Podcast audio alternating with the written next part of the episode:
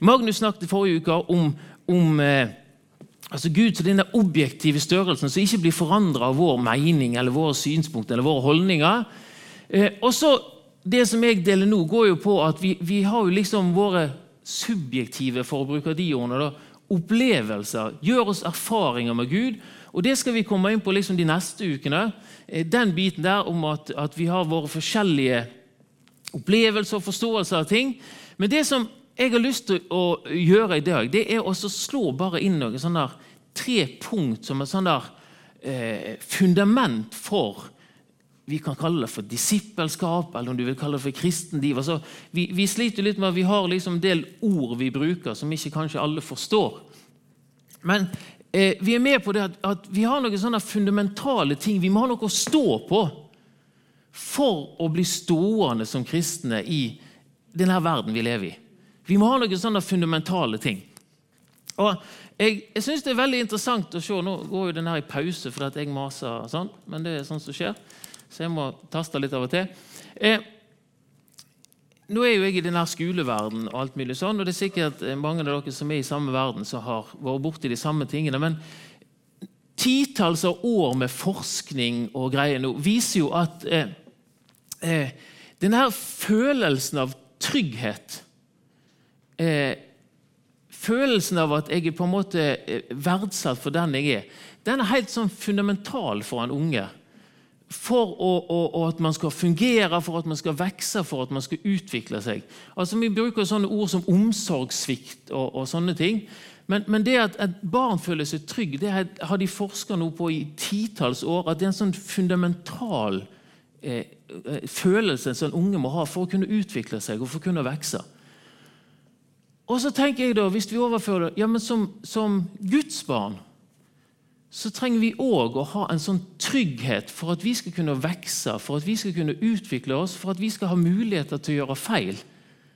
Så må vi være trygge på at det er en som ikke slår hånda av meg eller avmiser meg fordi at jeg går på trynet. Men jeg hele tida kan komme og vende tilbake og si 'tilgi meg, hjelp meg videre'. Og denne tryggheten eh, hva, hva er, si, bygger vi den på? Og eh, jeg, har, jeg, har no, jeg har, tre sånne eh, punkt som jeg har lyst til å peke på. Én ting er evangeliet i seg sjøl, som jeg skal komme litt inn på. Og så, ja, La oss ta, ta de andre til hvert. For eh, hva er evangeliet. For, hva er et evangelium? Det er jo et ord som allerede var i bruk. Vi, vi er jo vant til å for, forholde oss til evangeliet, eh, altså de fire evangeliene i Bibelen, men det er jo egentlig bare ett. Derfor står det evangeliet etter Markus evangeliet etter Matteus. Men, men, det betyr jo bare et godt budskap. Det, det, det, det er liksom et seiersbudskap. Det er det evangelium betyr. Eh, jeg har lyst til å lese det nå bare ifra når Jesus helt i starten av sin tjeneste så sier han han har vært ute i ørkenen, blitt frista og kommet tilbake igjen. Eh, og så står det I Lukas kapittel 4, vers 14 står det i åndens kraft vendte Jesus tilbake til Galilea. og Ryktet om han spredte seg over hele området. Han underviste i synagogene og fikk lovord av alle. Og Så kom han til Nasaret, der han hadde vokst opp. og På sabbaten så gikk han inn i synagogen. sånn som han pleide. Så reiste han seg for å lese, og så rakte de ham profeten Jesajas bok. Han åpna bokrullen, og så fant han stedet der som skrev. Og så leser Jesus. Herrens ånd er over meg, for han har salvet meg til å forkynne et godt budskap, altså evangeliet for fattige. Han har sendt meg for å rope ut at fanger skal få frihet, at blinde skal få syn igjen, og for å sette undertrykte fri. Og rope ut et nådens år fra Herren. Så rullet han bokrullen sammen, rakte han til synagogetjeneren og satte seg. Halleluja! Maria, du har fyrt opp et eller annet her i dag. Kjenner jeg det nå? er det et eller annet? Det, når Jesus skal si hva er det evangeliet jeg kommer med, hva er de gode nyhetene jeg kommer med? Jo, jeg er kommet ut for å rope ut en nådens åre for Herren. For å sette de undertrykte fri, for at de blinde skal få syn igjen. For å reise opp de fattige. Og så sier han at dette ordet er nå blitt oppfylt foran øynene deres. Og de begynner å spørre og greier sånn. Men det er fascinerende når Jesus kommer og så sier han, hva er det evangelium er det jeg har å forkynne. Jo, det er gode nyheter, folkens. Og så tenker jeg at vi skal, og det, For all del, det er jo fantastisk og flott og alt sånn. Nå har maskinen min låst seg, men det var nå så. Eh, når vi spør hva er evangeliet, og så sier vi at Jo, Jesus døde på korset for dine synder. Så skal du være ganske langt inne i forståelsen av hva egentlig som har skjedd, før det på en måte er gode nyheter eller godt budskap. Det høres jo helt forferdelig ut. At en annen dør for at jeg er elendig. Er dere med på at Vi skjønner at det er gode nyheter, men du skal være ganske godt inn i tankegangen før at du sier 'Å, fantastisk'. Så tenker jeg liksom i forhold til okay, vær, vær, med meg litt nå. nå skal vi, jeg skal prøve meg på en liten illustrasjon. der. Gode, gode nyheter. altså Hva er greiene? Seiersbudskap. Ok. Bare, bare eh, vær med på bildet her nå. sant? Nå er vi tilbake igjen i hine håre dager. Så kommer han, og så er det Og så er det sånn Ærede forsamling! Betlehemsboere, jeg har gode nyheter fra kongen! For det er jo det som er, det er jo det seiersbudskapet som kom. sant? Og så leser man opp at jeg erklærer i dag at all ondskap er overvunnet. All sorg skal bli, gå til vekk. Kom til meg, alle som sliter og tungt å bære. Kom til meg, alle som har trådt feil. Kom til meg, alle som har opplevd urettferdighet. Jeg har gode nyheter!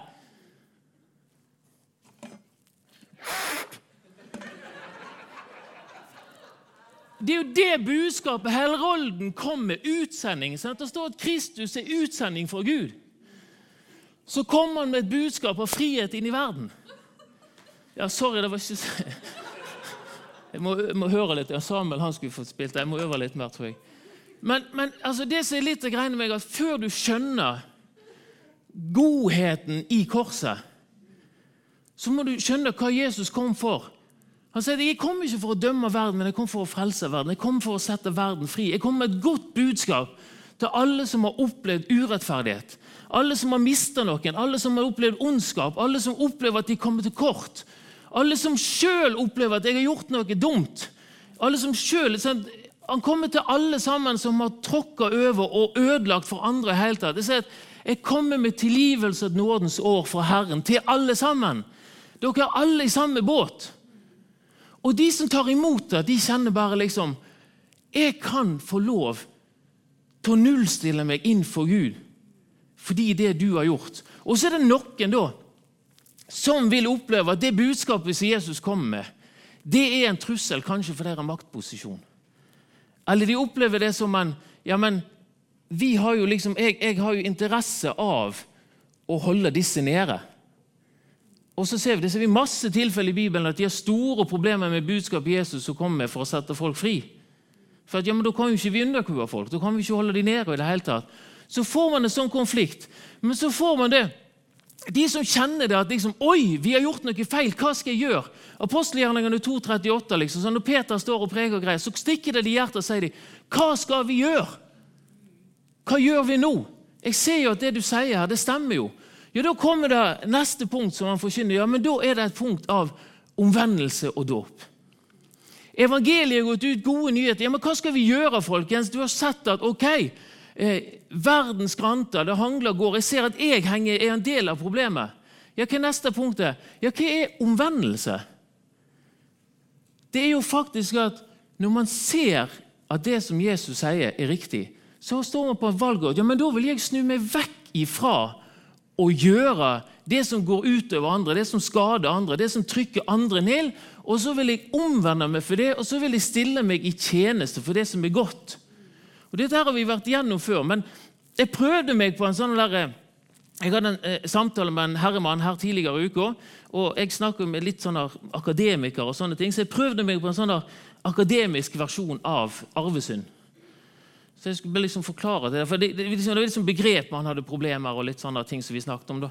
Og Det er veldig mye begrep som folk har eh, misforstått der ute, som gjør at man har store problemer med eh, både Jesus og kirka og alt mulig, fordi at det er liksom sånn Man putter et innhold i ting som ikke stemmer.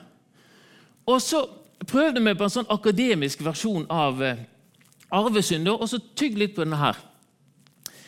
Det er altså at vi er arvelig disponert for egoisme i den grad at vi handler til vår egen fordel på bekostning av andre. Nå ble det helt stille. Var dere med på det? Altså, Vi er arvelig disponert for egoisme og eventuelt selvhevdelse til den grad at vi handler sånn at det fremmer oss sjøl på bekostning av andre. Det er det som er liksom grunn, altså Kjærlighet i roten i Bibelen er å sette andre høyere enn seg sjøl. Gud sier at du skal sette meg høyest og det neste som deg sjøl. Det doble kjærlighetsbudet. Men grunntanken er kjærlighet, som var utgangspunktet for hele greia, er evnen til å sitte andre over seg sjøl. Gud sier er ikke dette den faste jeg har behag i, at du gir andre det du sjøl vil ha. Og så får vi liksom sånn da, Å ja, jeg trodde at jeg skulle eh, eh, egentlig liksom var det sånn der, jeg skulle vise hvor god jeg var med å plage meg sjøl med. et eller annet sånt greier. Det greiene her er jo faktisk at du setter andre du, du, du, strekker deg lenger for at andre skal ha det bra. Og så ser vi at vi kommer til kort. Eh, Bibelen sier at ja, på dette har vi lært denne kjærligheten å kjenne ved at Jesus ga livet for oss mens det igjen var syndere. Der har du liksom erkedemoen av hva kjærlighet er. Ok, Vi hater deg, du dør for oss. Derfor kan Jesus si at dere skal elske deres fiender. For det har ikke noe med følelse å gjøre.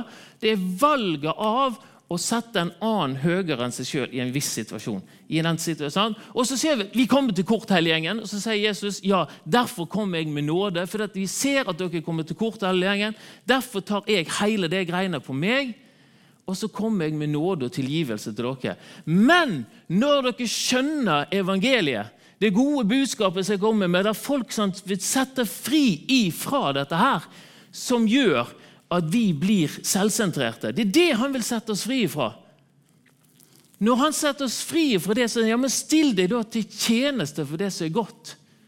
Jesus kommer og sier liksom at eh, liksom, folk, folk, spør ja, men når så vi deg i fengsel, og når så vi deg syk. og så alle disse tingene her. Og Så sier han at ja, men det som du gjorde mot en av mine minste, og viste de kjærlighet, besøkte de i fengselet, ga de mat, strakk ut en ekstra hånd, gjorde det som du kunne i din hverdag, det gjorde du mot meg. Kjærlighet i praksis. Kjærlighet som ikke handler om at ja, men jeg følte det sånn, men jeg tar et valg om å hjelpe. Å løfte opp istedenfor å rive ned. Og det er det som jeg, jeg Hvis vi ser det liksom da at eh, Et disippelskap som handler om at jeg forholder meg intellektuelt til at Gud er der ute, men der stopper det. Det sier Jesus, det er jo ikke å gå i lære hos meg. For en disippel er jo en som går i lære. Det er en elev. Det er en som studerer sånn sett med en mester for som mål å bli lik sin mester. Hva er ryktet som går om Jesus rundt blant folk? Han gjør jo bare godt. Han reiser opp mennesker, han møter folk der de er, og løfter dem opp. Og Så sier Jesus at ok, å følge meg er da å trå inn i denne tjenesten. Så vend deg vekk ifra selvsentrerthet, egoisme og de tingene, og gi deg til å være en tjener for gode i det å følge meg. Og det vi dypere sett selvfølgelig, Hva er det beste vi kan tjene mennesket med? Evangeliet. Å sette mennesket fri ifra det som tynger. Men her har vi mye land og vei å gå på, fordi at vi må ærlig innrømme at vi lett henger oss fast i hva skal vi si, fliset i andres øyne og så ser vi ikke bjelken i vårt eget, som, som, som, Jesus sier. Hvorfor er dere så forferdelig opptatt av feilene hos andre, og ikke ser din egen eh, sak? Så han sier ta, og vær mer opptatt av det. Vær opptatt av deg sjøl og vær en som løfter opp andre. Og Der har vi en utfordring og hvordan vi skal takle det, men vi ser det at vi har hatt veldig mye og skapt en opplevelse ute blant folk av at Kristne er folk som dytter ned. Folk som hever seg over andre og trykker ned. Og det kan hende at det er bare jeg som har opplevd men når jeg snakker med folk, så har ikke veldig mange jeg snakker utenfor, en positiv opplevelse av kristne. Det er ekstremt sjelden at de har en kritisk holdning til Jesus. Men veldig ofte så opplever jeg at folk har en kritisk holdning til kristne og til religion. Og Da må det være noe vi har gjort som gjør at folk har den opplevelsen. Og det er der jeg tenker, Punkt to evangeliet, når vi skjønner frihetsbudskapet som Jesus kom med, ikke for å trykke ned, men for å sette fri, ikke for å dømme, men for å løfte opp. Det var det han kom for. Dommen var lagt på han for at vi skal kunne forkynne dette budskapet ut i verden og forsone seg med Gud, så bruker vi alle disse kristne uttrykkene, så kaller han oss til å vende om ifra et selvsentrert liv og gå inn i et tjenesteliv for han, der vi går inn i dette her med budskapet, løfte opp, sende mennesker fri, eh, forkynne eh, eh, helbredelse og, og eh, si, eh, eh, nådens hår fra Herren, på, og fridom og alt dette her. Og så neste steg, da, og det er det siste punktet jeg skal slutte med hva, så når vi da har tatt det der, vi har eh, sagt ok, jeg vil vende meg vekk fra det som jeg var i, jeg vil begrave livet mitt i dåpen og stå opp igjen, og jeg vil følge deg. Så er det neste punktet. Hva er det Gud da vil? Jo, han vil lære oss. Hvis vi kunne brukt f.eks. for eksempel, eh, misjonsbefalingen, Markus, eh, Matteus der står det, altså Den som tror og blir døpt, skal bli frelst osv. Og, så og så står det da gå ut og gjør alle folk til disipler i det de lærer dem. Og Da er det ofte sånn at vi endte opp med 'lære å gjøre'. Men jeg begynte å, å, å, tenke litt over hvorfor gjorde ting, Jesus de tingene han gjorde. Spesielt rundt de tolv. Vi har sånn der, I, i mediekommunikasjon som jeg underviser på videregående, så spør vi hele tiden elevene hvorfor har du gjort det du har gjort. De har lyst til å lage en plakat, og så spør vi hvorfor vil du lage en plakat. Og så klarer de ikke å svare på det, så da kan du gå tilbake til tegnebrettet. For Alt vi gjør, det sier vi til elevene våre. Da, nå hopper vi over den verden. Når du skal lage et eller annet slags produkt i mediefagene, så skal det handle om hva er det du vil med dette, her, sånn at du kan forklare hvorfor du gjør. Og da jeg akkurat så jeg begynte å tenke på Jesus. Ok, Hvorfor gjorde du det du gjorde? Hvorfor gikk du på vannet? Var det for å lære disiplene å gå på vannet? Det var jo neppe det. Ja, hvorfor, hvorfor, gikk, eh, hvorfor, gikk, han på vannet og sa til Peter kom ut av båten? Det må jo være for at han skulle lære Peter at han kunne stole på han uansett. Og Når det er gale for Peter, så rakte han ut hånda og så reiste han opp igjen. Så spør han hvorfor har du så liten tro. Men det var jo ikke for at de permanent skulle føre springer på vannet istedenfor å ta båten. Og så har jeg begynt å tenke igjennom hva er det Gud vil lære meg. For det vi skal komme tilbake til, liksom praksis og hva vi gjør, og sånn, det kommer senere.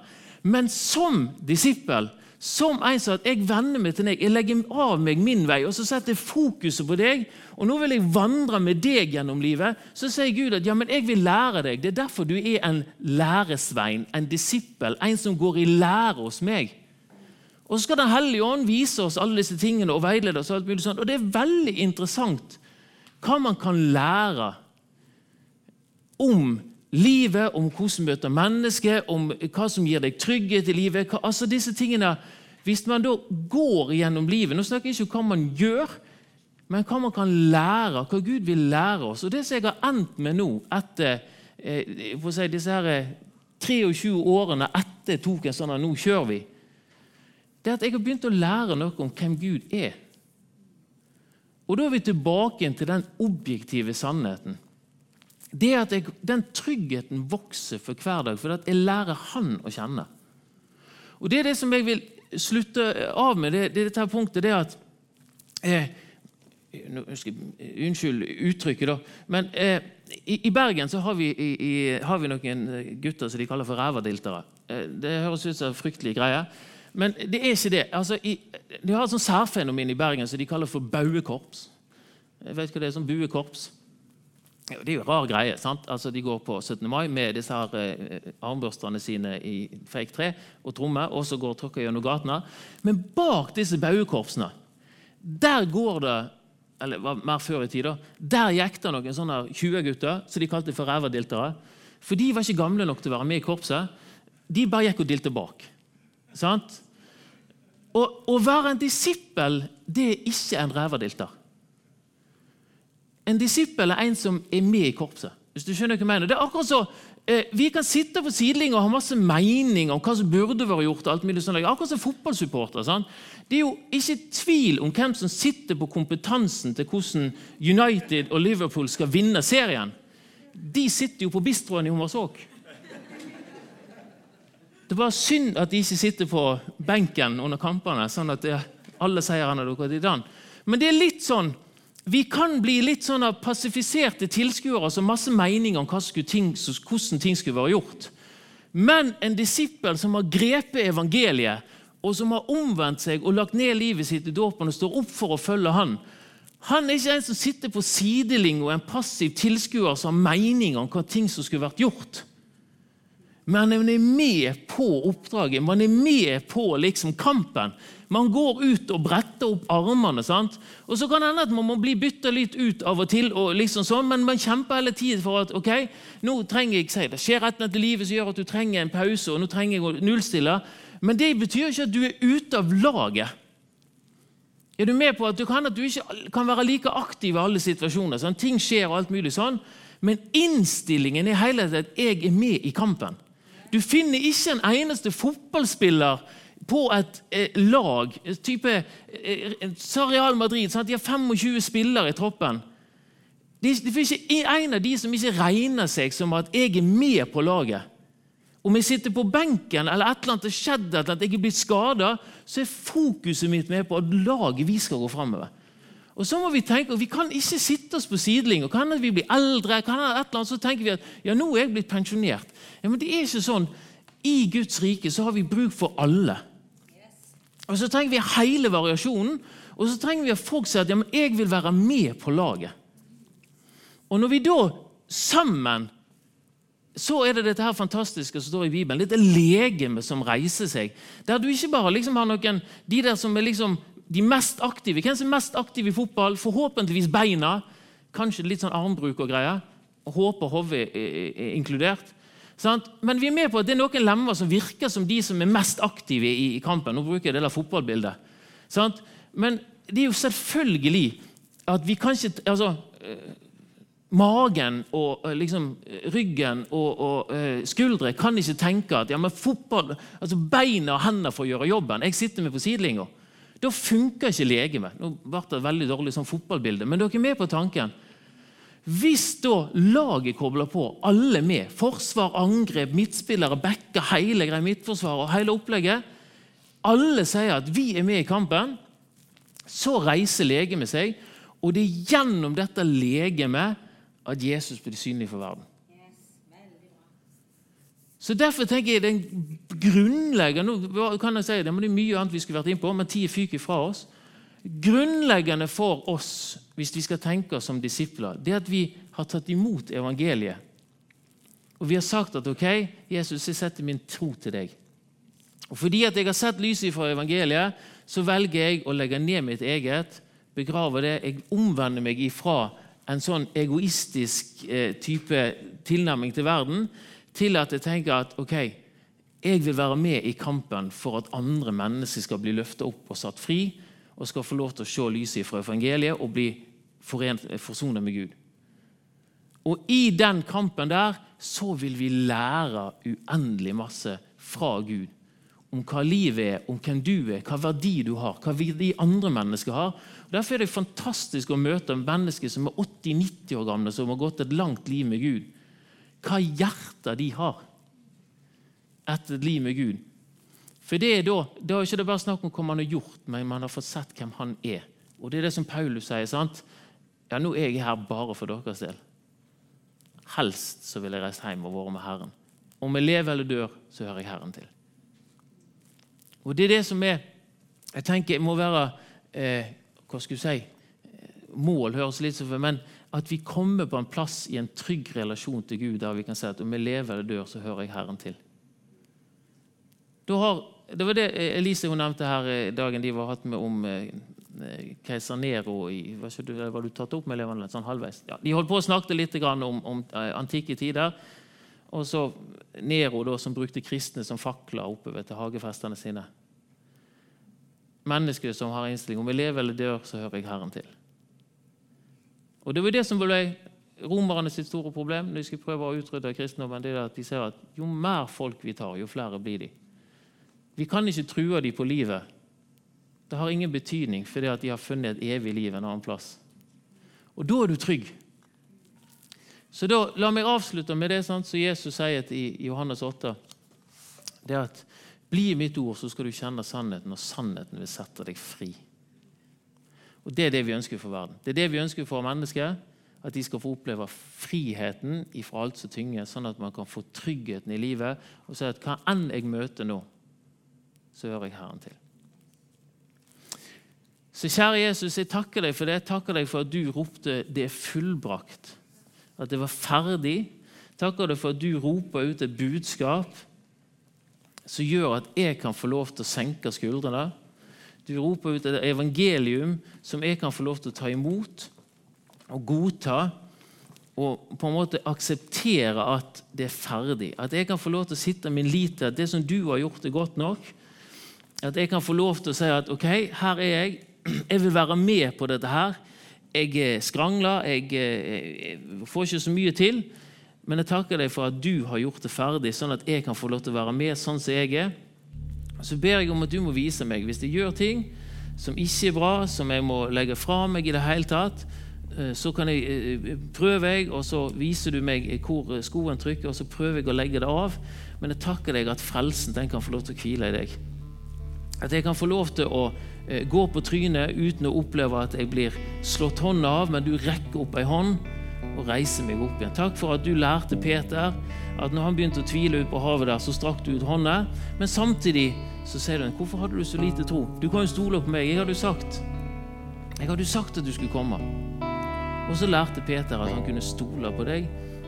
Og jeg ber om at du skal lære oss alle sammen å virkelig få en sånn trygghet i livet at vi tør å gå, for vi vet at du holder. At du aldri vil forlate oss, at du aldri vil snu ryggen til oss. Men du vil være med oss alle dager så lenge verden står.